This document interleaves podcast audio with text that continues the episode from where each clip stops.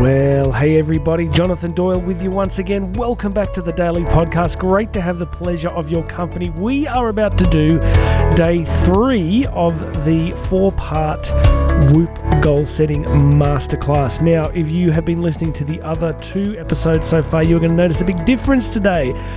Of course, you will notice that the audio quality over the last few episodes probably about the last three or four, has been uh, somewhere south of abysmal. We recorded them uh, in the studio using, uh, you know, we, we were recording video at the same time and we'd been splitting out the audio and uh, we had everything set up correctly. The mics weren't working the right way, so you'll notice if you've been listening the last couple of days, the audio was uh, was terrible.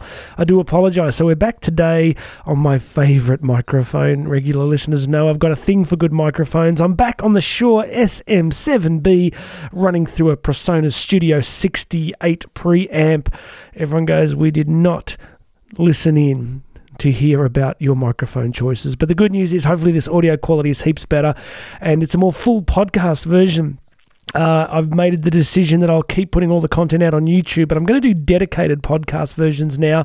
It's an easier platform for me to work with. I just tend to uh, go a bit deeper on the podcast version. So I hope today is going to be really useful for you as we go on to day three of this masterclass. Uh, housekeeping, please make sure you have subscribed to this little podcast wherever you're listening Apple Music, Apple Podcast, Google Podcast, Spotify, Stitcher, Spreaker. I lose track. There's so many now, but uh, please subscribe and also be a big help if you could leave a review of the podcast. It really does help. So uh, feel free to do that for me today. And go and check out the show notes because there is a link there to get free access to my book, Bridging the Gap. There's links where you can find out how to book me to speak, coaching, all sorts of other things. So please check out those show notes. Okay, Let's do a quick review. We're on day three. Day one in this WOOP goal setting masterclass from Dr. Gabrielle Oettingen, who's simply somebody that has thought deeply about goals, um, goal efficacy, and choosing systems in our goal setting that actually help us and don't hinder us. So it's easy enough, isn't it, to identify when there are things in life we want to change. But my gosh, it can be hard sometimes to really execute. I'm always interested in that question. Why is it that sometimes we just don't execute quite the way we want to? So on day one of the masterclass, we started with the W of the WOOP uh, acronym the W standing, of course, for wish, for the identification of what we want to change, what we want to have in our lives, what we want to remove from our lives. But for most of us, it'll be uh, an articulation of something that's important to us, something that we want to improve or add into our lives. The second day, we looked at the outcome.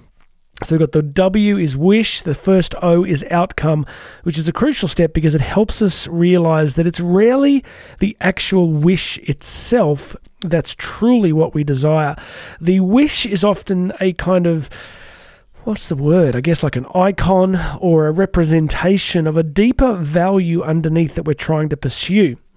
So today, uh, yesterday, we talked about outcome, being clear on whether whatever that wish is, what is the underlying driving force behind it? When you achieve the X in your life, what will it give you? Will you experience more freedom, more peace, more connection, more intimacy, more joy, more excitement?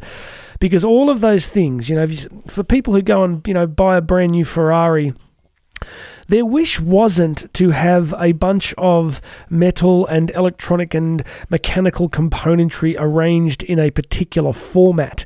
You know, that's ultimately what a Ferrari is, isn't it? It's it's it's metal, it's it's electrical engineering, it's mechanical engineering, all these things put together in a particular form. Nobody has a wish that says that's what I want. I want I want all these components arranged in a particular way.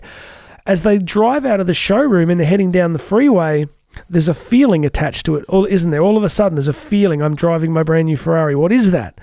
It's, it might be a feeling of um, of achievement or attainment or or you know or blessing or uh, you know joy. Who knows? It's going to be different for everybody, right? And this Ferrari is just one example. It could be anything. But always remember that behind what it is you're chasing is a much deeper motivation, some experience, some human emotion or psychological state that we're pursuing. So the second part, which we did yesterday, was really getting clear on what those underlying drivers are for you because you want to be really in touch with those. You want to honor them, you want to recognize them, you want to leverage them and use them as a kind of fuel.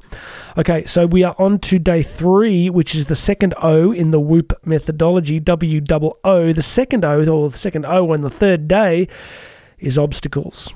Obstacles, obstacles, obstacles. You look at the famous book from Ryan Holiday where he said the obstacle is the way.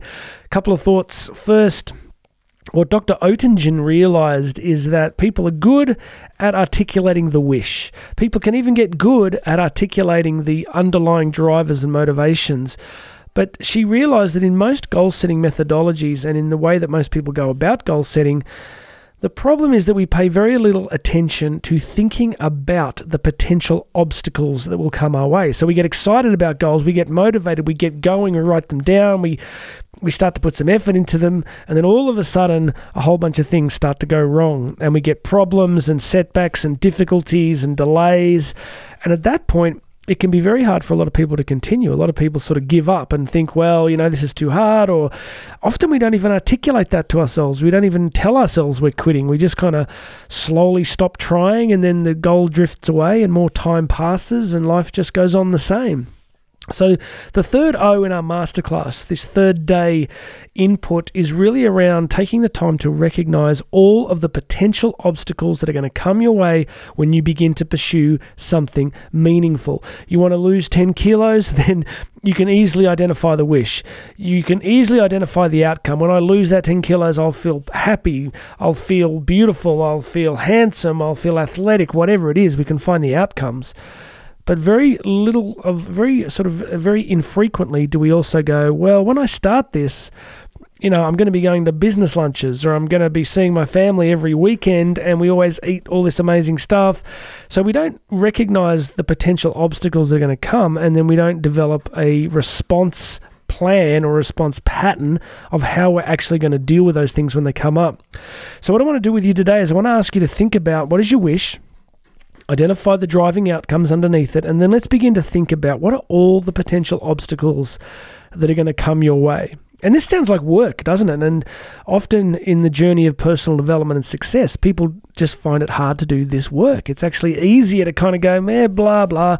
I can write the goal, I can write a couple outcomes, but, you know, this stuff, you know, maybe things will happen, maybe they won't. Do I really need to do this? Well, the research makes it pretty clear that we do that we do need to identify all the possible things that can go wrong and that are going to stretch us and test us when we pursue anything meaningful. So, the first thing is to identify the obstacles. The other thing to realize always about obstacles, and this is what I think Ryan Holiday was getting at in his book, The Obstacle is the Way, is that when obstacles come into our lives, we, we often resist them, don't we? I mean, we, we don't want them. They're something that we don't want in our life. We don't want obstacles, we don't want problems but they come. And what I want to suggest to you, as I have for many, many years, is that the obstacles we face tend to force us to quit or to blame or to be a victim, or they force us to grow and to change.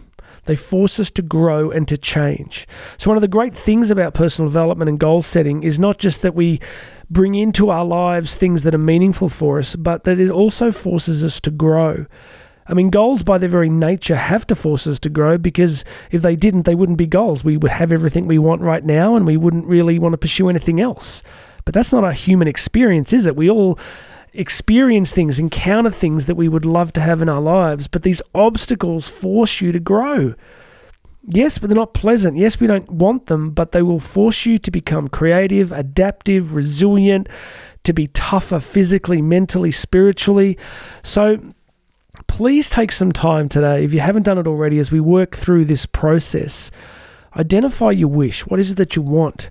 Identify the outcome. What are the deeper experiences behind the wish that you're really trying to pursue?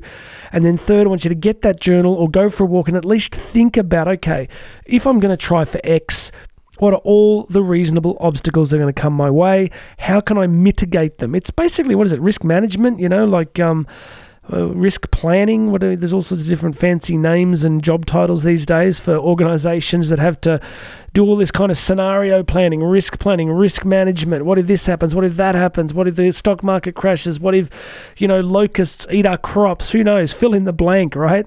There's always going to be obstacles, but it doesn't mean that we can't think about them in advance and be prepared for them. So, my friend, what are the obstacles you are going to face? What are the specific obstacles that you are going to face when you begin to pursue these meaningful wishes, dreams, and goals in your life? Write them down. Get, you know, write them down and say, okay, yep, I want to do this, but then this is likely to happen. If this happens, then I'm going to try do this. If this thing happens, then I'm going to make a decision to do this.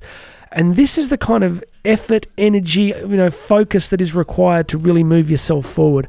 All right, that's all I wanted to cover today. So what do we got? Wish, we got outcomes, we got obstacles. Tomorrow we're going to talk about the P, the final step in our four-stage masterclass. This is not super complex. This is relatively straightforward stuff. We just got to be reminded of it. We got to do it regularly. It's the old saying, you know, like you know, we, we brush our teeth every day, right? We don't brush our teeth once and say, well, I'm glad that's done. I don't have to do it again. We don't have a shower once or a bath and say, well, I never have to do that again. There are some things we need to do every day. And with our goal setting, with our wish chasing, with our dream building, we often need to do these kind of steps over and over again. What do I want? Why do I want it? What's going to stop me? Let's get clear on these things because this kind of consciousness, this kind of awareness of the mechanisms that drive our success are a huge part of the puzzle that are going to move us forward. So, friends, that's it from me. Go and check out those show notes. Please make sure you subscribe, get free access to my book, Bridging the Gap, book me to speak, whatever else I can do to help move you guys forward. Go check out those show notes. My name's Jonathan Doyle. Tomorrow we're going to do the final step, and I'm going to be speaking with you tomorrow.